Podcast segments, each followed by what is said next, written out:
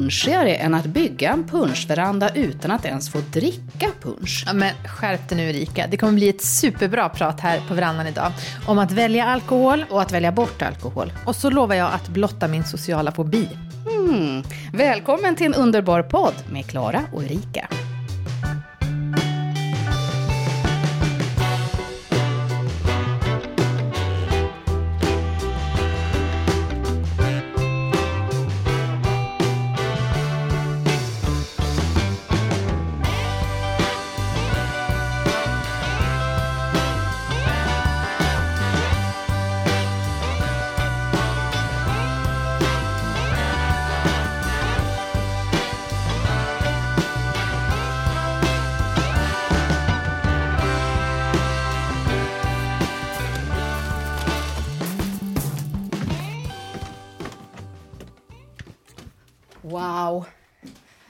Det här är ju fantastiskt.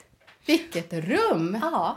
Punschverandan. Ja, jag är så sjukt nöjd. Titta, titta solfjädersformen i taket här och så synliga bjälkar och, och så Och levande växter. levande växter. Det ska vara så lite orangerikänsla.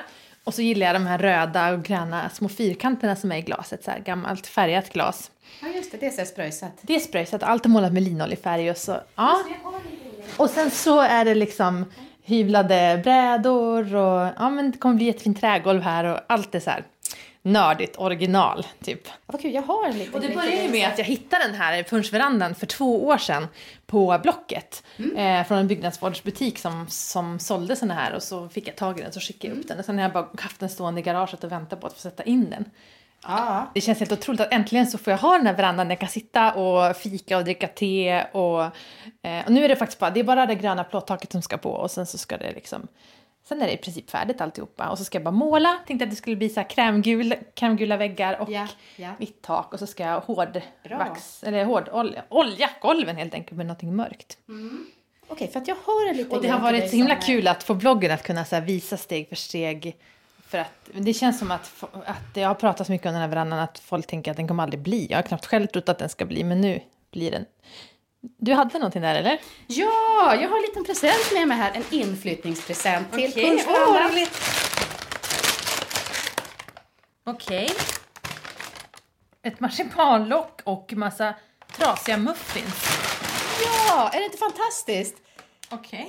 Det kommer att bli punschrullar, dammsugare här på punschverandan. Okej, du tänker så. Någon sorts punsch måste ju förtäras på den här punschverandan tycker jag. Och du dricker ju inte så tänkte jag att då kör vi punschrullar. Ja men det var ju skitsmart. Men du, eh, ska jag hämta bunkus och så kör vi och bakar? Ja, ska vi sätta oss ute i trädgården där det finns ett bord? För du har inte hunnit möblera här ännu.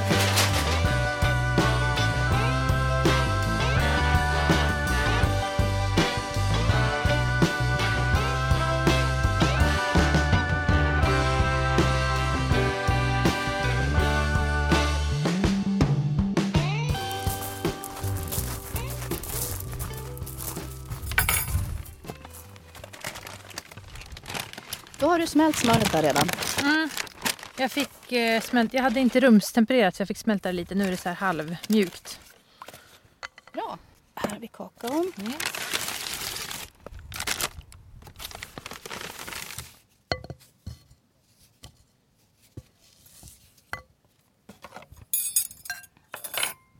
Vaniljsocker har vi där.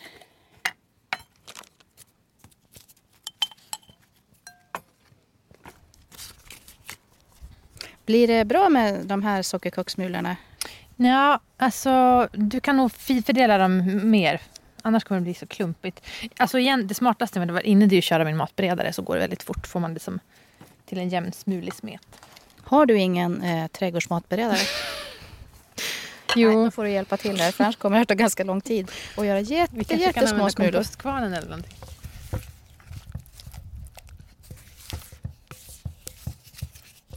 Men Erika, du vet att det här kommer ta ganska lång tid. Det här ska ju vila en timme sen också.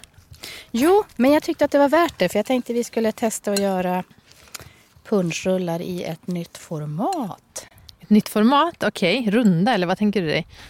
Nej, men det här med storleken tycker jag är ett problem eh, på punschrullar. Det finns väl inga problem med punschrullar eller vad menar du? Jo, men de är, de är som... motsvarigheten till fruktfatet så är punschrullen tycker jag den här brunprickiga bananen. De är liksom stora och breda och lite så här för mäktiga Det var helt det värsta enkelt. jag har hört. Men jag skulle gärna äta liksom punschrullar som var stora som lingongrova mackor. De kan Ja, inte men- bli för stora. Nej men jag har Oj. ingen, jag fikar inte lika mycket fikabröd som du gör tror jag för du gillar det. Ja, det gör jag. Ja, nej men jag är inte så bra på det. Men Okej. när jag gör det så då vill jag gärna att det ska vara lite märkvärdigt. Att det känns eh, lite så här tjusigt att man får spreta med inte bara lillfingret utan också liksom ringfingret när man håller i koppen. Mm. Ja, och om man då får en stor stabbigt bakverk då kan man ju aldrig säga ja när det kommer det där. Ta en, ta en till. Det var liksom Ja, jag lätt. förstår hur du menar. Alltså jag kan också känna att det är lite motbjudande med de här gigantiska Waynes muffinsarna och cookies som är stora som ens ansikte. Men just punschrullar, punschrullar det är ju så här klassiskt. Den storleken ska ju vara som den är. Känner jag. Jag skulle vilja att vi gjorde smalare punschrullar. Alltså lite som punschsticks eller punschstickor eller någonting. Så att de är lite, lite längre, lite smalare. Inte sådär äh, grova, och stabbiga och tjocka. Okej. Kan du göra ett undantag? Ja, Jag bara alltså vi prova. provar, men hur små Ja. ska de vara? Typ som lillfingrar eller? Det blir ju Eh, ja men precis. Om punschrullen är en tumme så Okej. prövar vi att göra lillfingrar eller pekfingrar. Okej. Men vi kanske gör ditt lillfinger för det var mycket längre än mitt. Ja, nu kör jag ihop den här smulblandningen med choklad och smörblandningen. Gör smeten. Alltså, eh, kan tilläggas att punschrullar är ju inte svårt att göra på något sätt. Vi tror ju ofta att såna här klassiska bakverk och maträtter är väldigt svåra av någon anledning. Men det här är inte svårt för fem öre, men det är lite pilligt.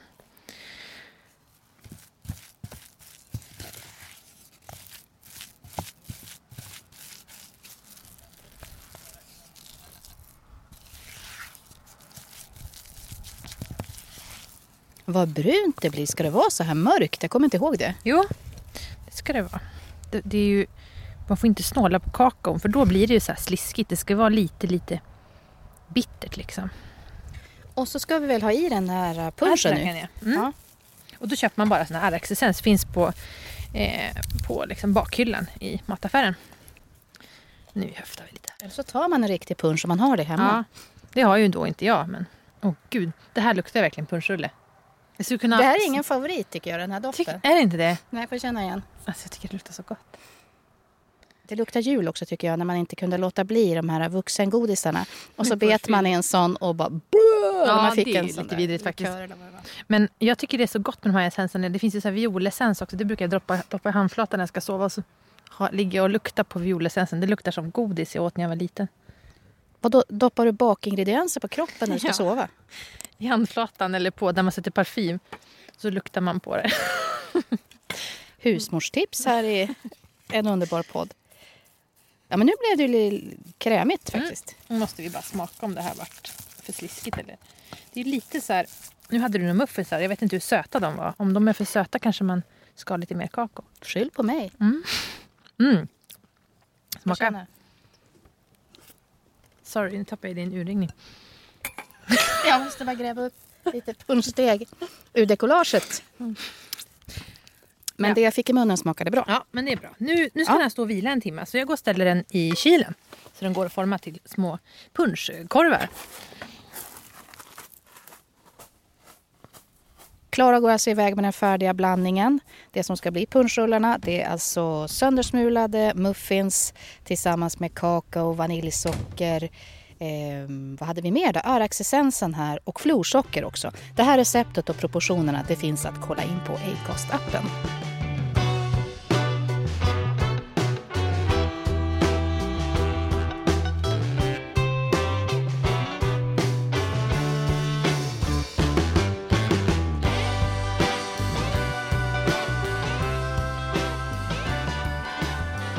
Jag var hos min mormor häromveckan. En vecka var vi där med min familj och min släkt och fiska och tog ner träd och umgicks och så här. Och så kom ett minne över mig som jag har från när jag var liten och det är när vi sitter och har de här stora familjemiddagarna. Att jag liksom halkar ner från stolen och försvinner in under bordet och så ligger jag där och äter.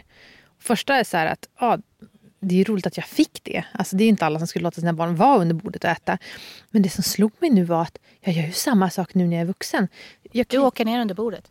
Nej, jag har väldigt god lust. Men det jag gör är att jag går och lägger mig i en soffa så fort jag har ätit, då måste jag gå från bordet. Och så är jag bara, vad är det för fel på mig? Jag tror ju liksom att varje gång att jag gör det, att det är bara något tillfälligt. Men så kommer jag på att varje gång vi äter middag många upp så måste jag drar mig bort från bordet. Alltså det finns något som är så sjukt ansträngande med att sitta liksom 8-10 personer runt ett bord och så ska man äta och så ska alla få mat och så ska man skicka och så är det något barn som är sur och så ska man hålla den glad och är det, tycker alla att det är gott. Finns det salt? Klara, någon annan skulle kunna beskriva det här som att det är det trevligaste som finns. Att äntligen får man sitta ner i lugn och ro, man får möta blicken på människor man älskar, man får dela en måltid. Mm. Vad är det som inte funkar? Jag orkar inte så himla länge. Alla andra får gärna sitta kvar. Jag vill sätta mig i en fåtölj lite utanför den här cirkeln. Eller liksom, hos mormor finns det ju helt underbart. Det finns alltså en säng bredvid matsalsbordet för att mormor brukar sova där nere när hon inte orkar gå i trapporna. Och då kan man ligga på sängen och alla sitter och pratar och jag får liksom ligga lite för mig själv men ändå vara med. Men du ligger alltså på typ en divan och tjuvlyssnar på alla andra? Ja, och jag, jag är i högsta grad med i samtalet, inte att jag inte vill vara med. Men jag, jag känner liksom att den här som jag har tänkt på var så en konstig grej jag gjorde när jag var liten, att jag var åt under matbordet det finns kvar och jag tror att det har att göra med min sociala fobi. Eller om det är social fobi. För jag sa nämligen det här till min pappa och min syster och min syster var helt oförstående. Och pappa var nej det låter ju för fan som social fobi det där. Men om det hade varit fobi då hade du väl inte kunnat vara där alls? Eller? Nej, alltså det är, inte, det är inte social fobi. Det kan jag också ha. Men det där är mer, jag tror att det är någonting med Alltså när man är en person som tar in väldigt mycket intryck och också tar ansvar väldigt mycket för allas känslor så blir det väldigt jobbigt att sitta med vid ett matbord där liksom väldigt mycket ska hända. Folk är hungriga, någon är sur på någon eller man är trött eller något barn är på dåligt humör det blir så anspänt när man sitter så här axel mot axel och tätt ihop. Nu ska vi ha trevligt. Ja, eller vad är det som är det, problemet? Jag har ju trevligt, bara jag får liksom vara på sidan av. Men jag förstår ju nu som vuxen, nu är det inte så socialt accepterat att varken krypa ner under bordet eller lägga sin säng. Men jag önskar att det var det. Alltså alltid när vi har kompismiddagar och så, då skyndar sig äta och sen så, så liksom sätter jag mig en bit därifrån. Då bryts sällskapet upp. Då kan alla sitta liksom lite utspridda i rummet. Och då, då finns det som en något väldigt vilsamt i det sociala istället för att sitta axel mot axel och titta på varandra. Alltså, känner, nu babblar jag på, men känner du igen det här överhuvudtaget? Ja, det gör jag ju från eh, om man ska gå ut och äta stora jobbgäng. Det har jag aldrig gillat. Det är mer för att jag tycker att man inte får ut så mycket av pratet mm. på lunchen. Mm. Utan då tycker jag att man fortsätter prata om jobbet och det är lite så här eh, mingelparty mm. fast mitt på dagen. Att mm. alla ska få säga någonting, man måste hålla väldigt mycket ordning på relationerna. Mm. Men går man ut och äter med en eller två, då kan man ju prata om något helt annat. Det, mm. då blir det jätteroliga mm, lunchsamtal. det håller jag med men så är det inte riktigt med min familj för att då kan man ju prata om allvarliga saker också fast man är många. Men det är någonting i, alltså jag vet inte det här att man ska liksom du får tänka på det en stund. Då ska jag bara säga att om du hör att det låter som en bjällra här bakom eller en klocka så är det för att det snart ska passera ett tåg utanför Klaras hus. Nej men för mig är det ju, jag har ju generellt så tycker jag inte så mycket om att vara med mycket folk utan jag är gärna med en eller två personer. Då kan man liksom prata om väsentligheter på en gång. Men det blir extra tidigt kring måltider. Det var ju som, jag klarar ju aldrig av att äta skolmat heller. Liksom. Det var jättejobbigt att sitta i en skolmatsal och folk tittar på vad man äter och det är mycket folk och det är liksom Alltså måltiden är ganska jobbig. Det händer så mycket under en måltid. Hur vill du att en middag ska vara då för att det ska fungera? Nej, men eh, det bästa är ju när alla nästan ätit färdigt och det liksom, barnen går från bordet, man skjuter bak stolen och knäpper upp byxorna och liksom sitter och är så här mätt och nöjd. Innan dess så blir det som en anspänning. Och jag önskar så att det var socialt accepterat att gå vart jag än var och sätta mig i en fåtölj utanför det här sällskapet och sitta och vara med men inte behöva sitta rent så fysiskt nära folk. Ja, gud vad hemskt det låter. För det är ju folk jag tycker om, det är inte det. Men det är någonting med... Ja. Brukar du använda dina luncher och middagar till att vila?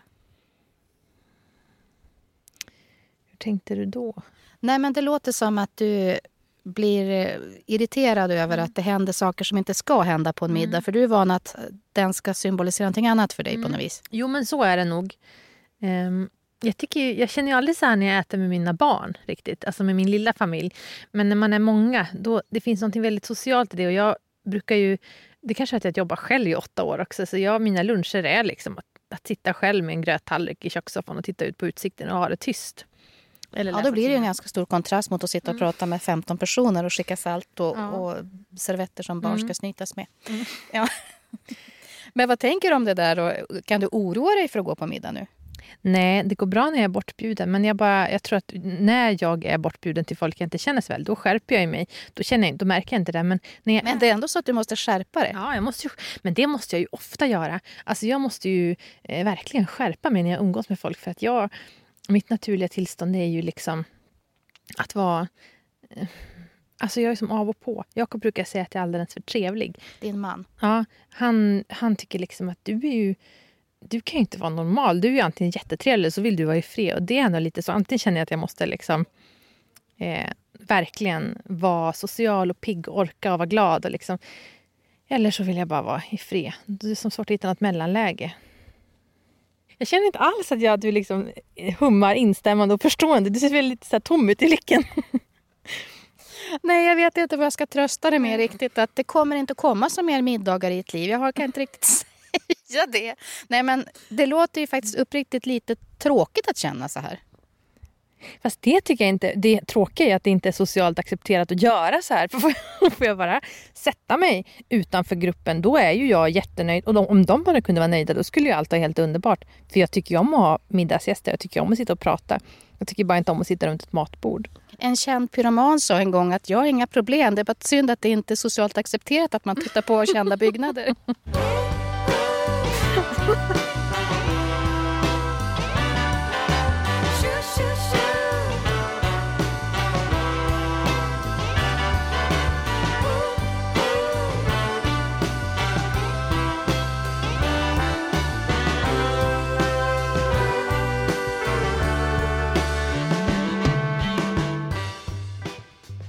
Nu tar Erika på sig sina glasögon och förvandlas till blok.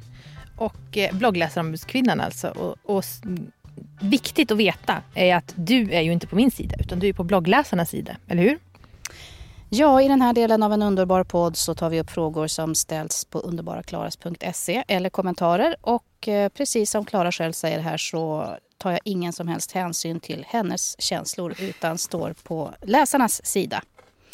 Vi börjar omedelbart och då går vi till eh, ett inlägg som du gjorde för ett tag sedan. En guide var det här om hur man på bästa sätt äter surströmming. Och så gjorde du ett oväntat val när du svarade en läsare i kommentarsfältet här. Läsarsignaturen Kvarter Brokig skrev så här apropå sina erfarenheter av surströmmingsskiva. Och jag citerar här. Hehe. Bekanta till mig började med spriten och vaknade dagen efter och insåg att de i fyllan och villan glömt bort att öppna sina surströmmingsburkar. Och där slutar citatet. Mm. Och du svarar då, underbara Klara, citat. Ha, ha, ha. Stackars med lukten till bakfyllan. Slut citat. Ja. Ja, Klara Lidström, du har ju under åren gjort dig känd som nykterist. Mm. Men det här svaret till Kvarter Brokig, det tyder ju på att du vid något tillfälle har använt rusdryck. Alltså jag skulle vilja säga att jag faktiskt aldrig har det. Alltså, men jag har faktiskt vid ett tillfälle gjort det. Alltså har du eller har du inte? Jag har druckit vid ett tillfälle och det var i våras. Eh, jag har liksom inte druckit något alkoholhaltigt under hela mitt liv. Men sen i våras var jag på en skrivarresa med Anna-Karin som jag gör mina barnböcker med. Och sangria är någonting jag som vi har druckit på somrarna hemma när jag var liten och som jag tyckte sett så himla gott ut. Så Men... du har druckit också när du var barn? Nej. Nej, det har jag verkligen inte gjort. Men vuxna runt omkring mig drack det och det ser ut som en härlig liksom, fruktbål. Typ. Så det sa jag till Anna-Karin. Så här, kan, men är den där så stark? Kan man inte bara, ska vi inte bara kunna få prova smaka en mun? Typ? Jo, men vi beställer in en, flask, en tillbringare. Och jag vet väl inte om man dricker alkohol. Jag drack ju det där som Cola light och så har jag solat en hel dag och svettats och inte ätit. Så jag drack ju liksom tre glas och tuggade i mig de där frukterna i bålen och så började jag känna mig så sjukt svettig och hjärtklappning och yr och fnittrig. Det här är väldigt förutsägbart att eh, åka utomlands med sin väninna och sitta på en uteterrass och bli på fyllan. Ja, men jag kände ju i och för sig att det kanske är det tryggaste sättet att ta sin eh, alkoholdebut på att vara 29 år gammal och vara med en 10 år äldre väninna som eh, leder en hem. Jag tyckte... Blev du ledd hem? Nej, nej, nej, men jag kanske hade behövt det. Alltså när jag förstod att jag var alkoholpåverkad då får jag panik. Och Anna-Karin väser till mig vad jag tror är drick upp så att vi skulle kunna gå hem. Men hon säger sluta drick. För att hon förstår ju att jag är på väg att bli full och jag bara fortsätter dricka för jag, det var ju gott liksom. Men du är så pass berusad att du får problem med hörseln?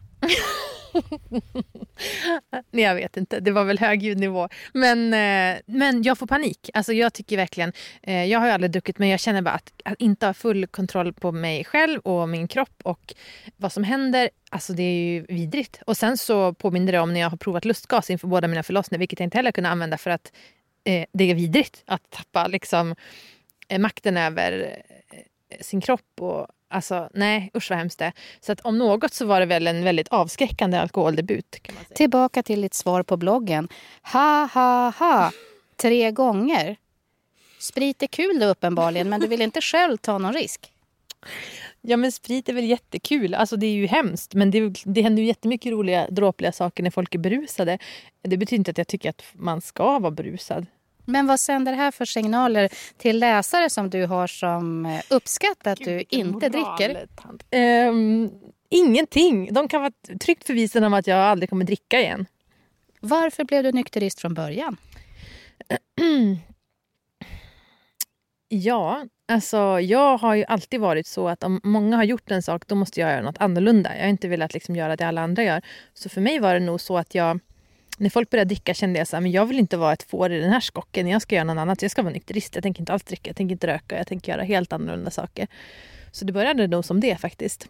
Av obstinata skäl? ja, men sen är jag också tillhör den här lilla skaran av befolkningen som faktiskt tror på skrämselpropaganda. Så när vuxna sa att det är farligt med alkohol, man förlorar hjärnceller. Nej men herregud, nej, men då kan man ju inte dricka. Så jag var liksom en väldigt tacksam person att um, informera om såna här saker för att jag bara eh, köpte allt och tycker att det är hemskt. Så. Rädslan för skräckpropaganda övergår men behovet av att vara obstinat består.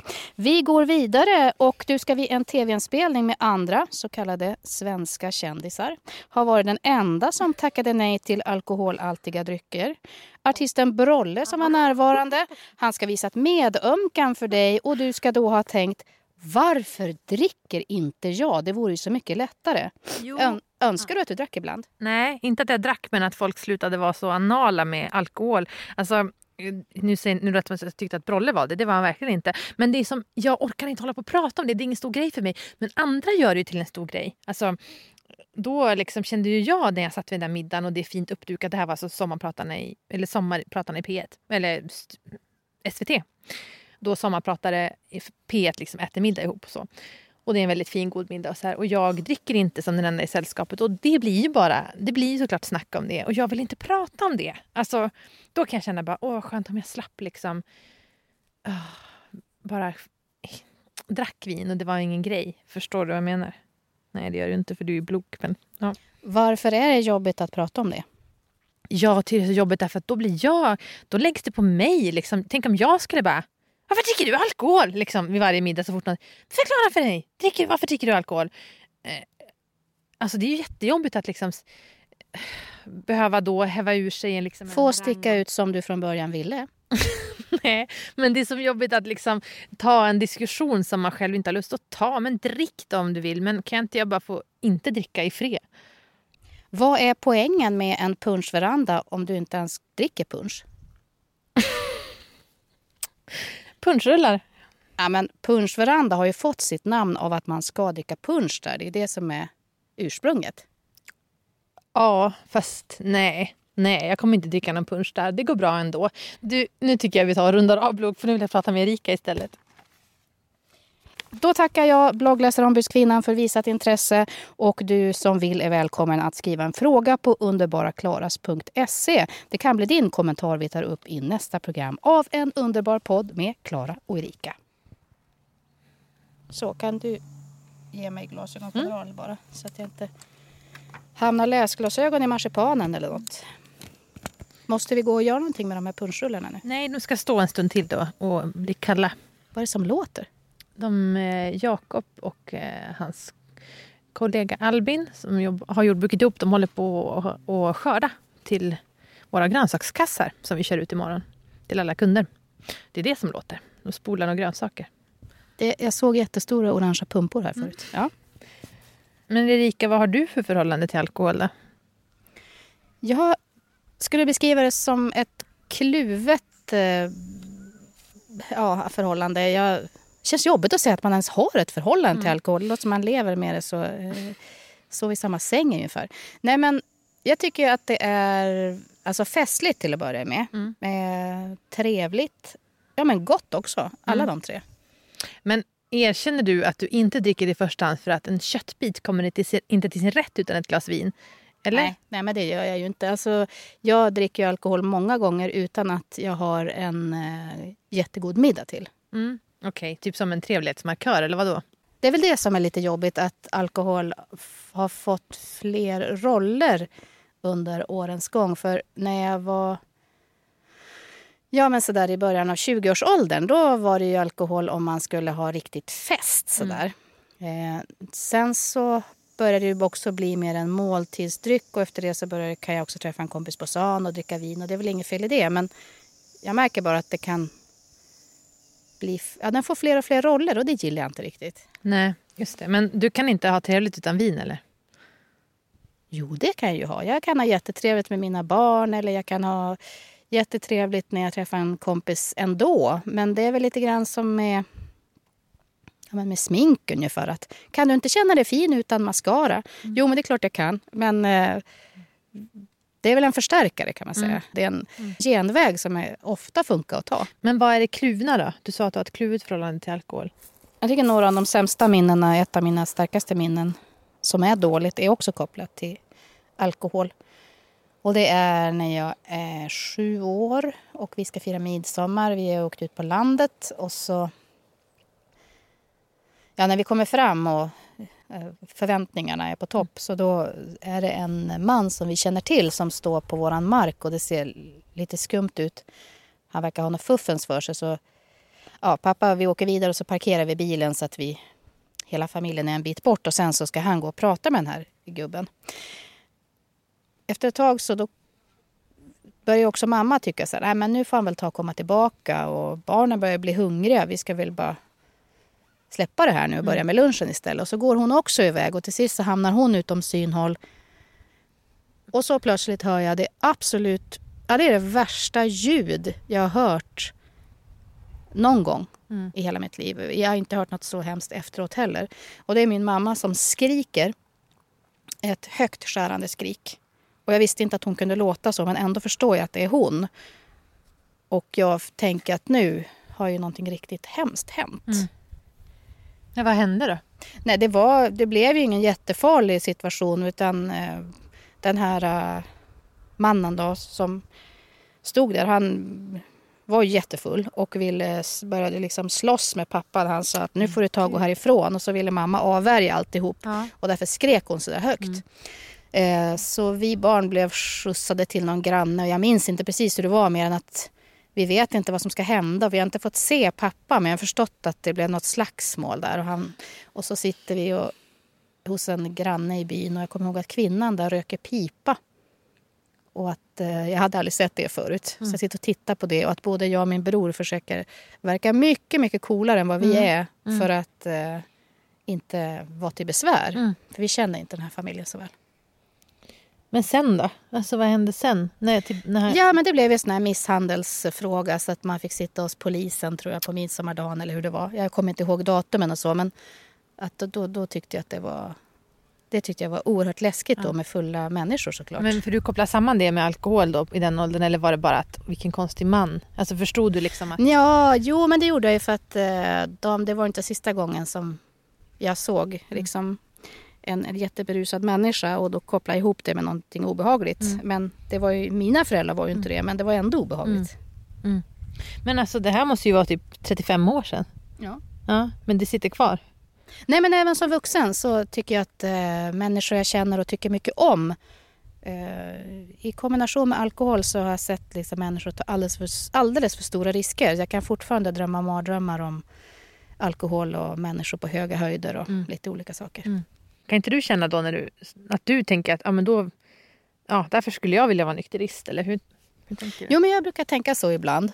Och eh, alltid den här tiden på året, för det här Sober October brukar ändå mm. eh, alltid komma upp. Mm. Eh, jag brukar köra mer i januari, februari som någon sorts alkoholfasta för, mm. för säkerhets skull. Mm. Mm. Typ efter jul och nyårshelgerna och sådär eller? Ja, men också att man börjar ett nytt år med en, med, med, med en sån period. Men när man fastar brukar man väl lära känna sig själv. Vet du, vad, vad kommer du fram till då? Jag har märkt att jag har mycket svårare att vara utan nya kläder än att avstå alkohol faktiskt. Okej. Vadå? Nej, men jag har ju haft en sån här klädfasta också i ett år. Jag ska inte säga att jag har klarat det jättebra, men då har jag märkt att det är faktiskt eh, värre. Det är inte jättesvårt att avstå alkohol och det är det man vill upptäcka när man gör det. Mm. Eh, ja. Eh, Men det där med klädfastan kan vi ta en annan gång. Okej. Ja. Men du, eh, avslutningsvis så skulle jag bara vilja säga en grej som jag tänkte på nu när vi satt och pratade här i din Mm. trädgård. Att, eh, jag tror att det var Petter, alltså hiphop-Petter Mm. Askegren, Mm. som har sagt om Robin att hon får så otroligt mycket gjort. Hon dricker inte så därför så blir det mycket som hon hinner. Mhm. Och då när, han, när jag hörde det då tänkte jag på dig att du är ju också så, du får otroligt mycket gjort. Mm. Är det, skulle du få lika mycket gjort om du drack? Nej, det skulle jag nog inte få. Alltså, jag är ju också trött efter en kväll med kompisar och det har blivit sent. Och att då addera liksom att man också skulle vara lite bakfull. Jag fattar inte ens hur det går till. Alltså, ehm, och det är det man, när man alltid har varit nykter så tänker man inte på det. Men när man hör folk som har en sober oktober eller liksom, att de liksom, oh, man känner sig så pigg och frisk och stark. Och, och det känns nästan lite tråkigt för det känns att den där känslan får jag aldrig. Ja, för mig är det bara tråkig vardag. Jag känner mig inte särskilt pigg och frisk och stark. Men jag kan nog se att jag får väldigt mycket gjort. Det, det händer liksom inte att man ligger till sängs en halv söndag och är bakis. Blev du bakis efter den där sangrian? Nej, det var en väldigt, väldigt mild eh, berusning. Det gick ju över väldigt fort också. Men det räckte för mig.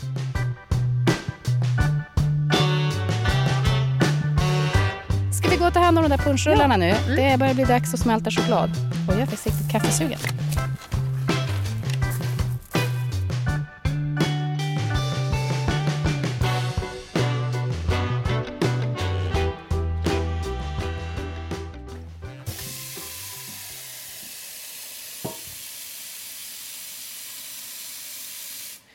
Nu när man gör punschrullar då är det ju bra att göra i ordning ett vattenbad först och så formar man degen till små bitar.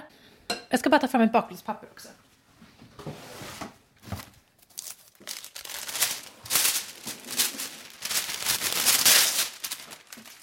Så. Ska jag hålla i här? Mm, Eller? kan jag göra. Nu tänkte jag bara ta den här och forma till små rullar. Nu får du säga, du som hade så specifika önskemål på storleken, om det här är lagom. Ja, men så att de blir lite långa så det känns som att det är nästan någonting man skulle kunna doppa i kaffet även om man ju inte gör det. Ja, men om du jämför med ditt eget pekfinger, det där börjar väl bli bra. En sån här 10 centimeters, Korv. kanske inte riktigt 10. Om man tycker att den är för mjuk kan man ju ställa form, degen i frysen ett tag så att den verkligen tar ihop. Jag öppnar den här marsipanen. Och då köpte jag ett färdigt sånt här lock. Är bäst jag lånar en sax, annars kommer tänderna flyga. Vart fan satt jag så här med en sax?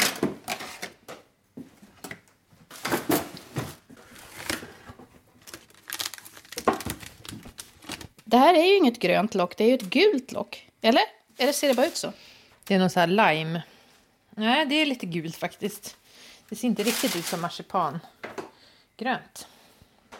Tycker du att det är epa att jag köpte ett färdigt lock? Nej, jag tycker det är smart. Alltså, om man vill göra punschrullar första gången så kan man ju faktiskt köpa liksom färdiga muffins eller sockerkaka och smula sönder och sen ett färdigt lock. Då går det väldigt snabbt. Alltså, det är så dumt när man gör det så svårt för sig själv så att det inte blir någonting. Kanske första gången man gör punschrullar, då gör man med färdigt lock och så kanske man köper en färdig sockerkaka man smular sönder. Nästa gång, då har man ju lärt sig. Då kanske man gör, gör lite mer eget också. Men när man alltid ska göra allting från grunden, då kanske det inte blir någonting alls till slut. Och det är ju väldigt tråkigt om det ska bli så. Men är inte grejen med punschrullar att det var någonting man gjorde när sockerkakan hade blivit dålig? Det är ju ingenting, egentligen är det ju jättekonstigt att stå och göra en sockerkaka och sen ha sönder den. Ja, exakt. Men alltså, och det är ju så man ska göra. Men alltså, säg en gång i livet du har fått sockerkaka över.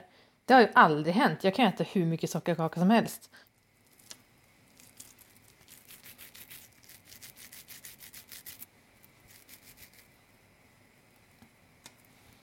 Vet du vad det ser ut som? Mördarsniglar. Eller något som brukar komma ut i på baksidan av hunden mälker. Mm. Ska vi lägga ut bilder av hur de ser ut Nej, innan? ska vi Egentligen borde det, ja men det vore ärligast.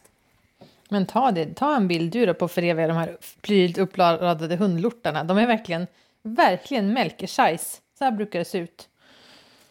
När du tömmer en hundbajspåse på Mm. ett bakplåtspapper. Men det kan jag ju lägga ut då på Acast-appen. Ja. Mm. Du, du vet ju inte det. Du kommer vara på bokmässan när de här bilderna ska läggas ut. Gör det du om du blir glad av det.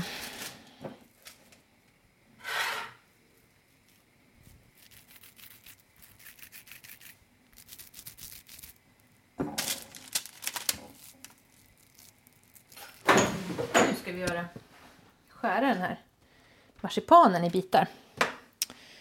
Kan man inte bara lägga mördarsniglarna, hundskitkorvarna eh, sådär ja, längs locket och så Mm. rulla lite?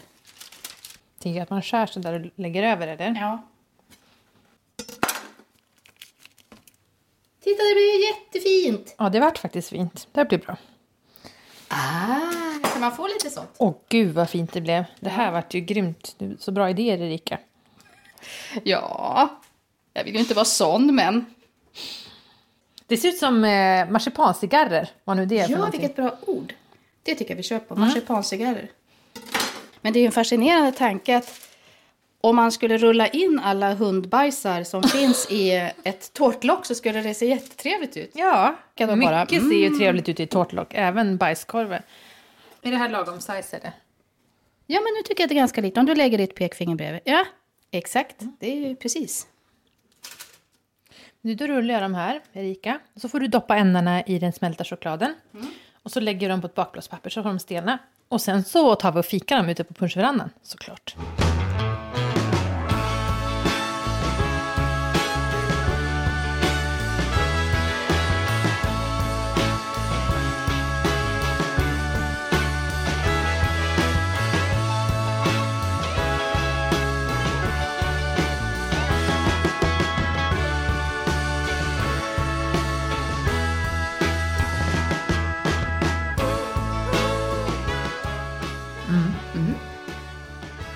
Supergott. Vi ska fota de här smäckra bakverken. Klara, du fixar det. Yes, och så tänker jag lägga ut recepten och bilderna i Acast-appen ifall ni vill prova att göra själva. Musiken den kommer från Olof Antonsson och vi ses nästa vecka. Hej då!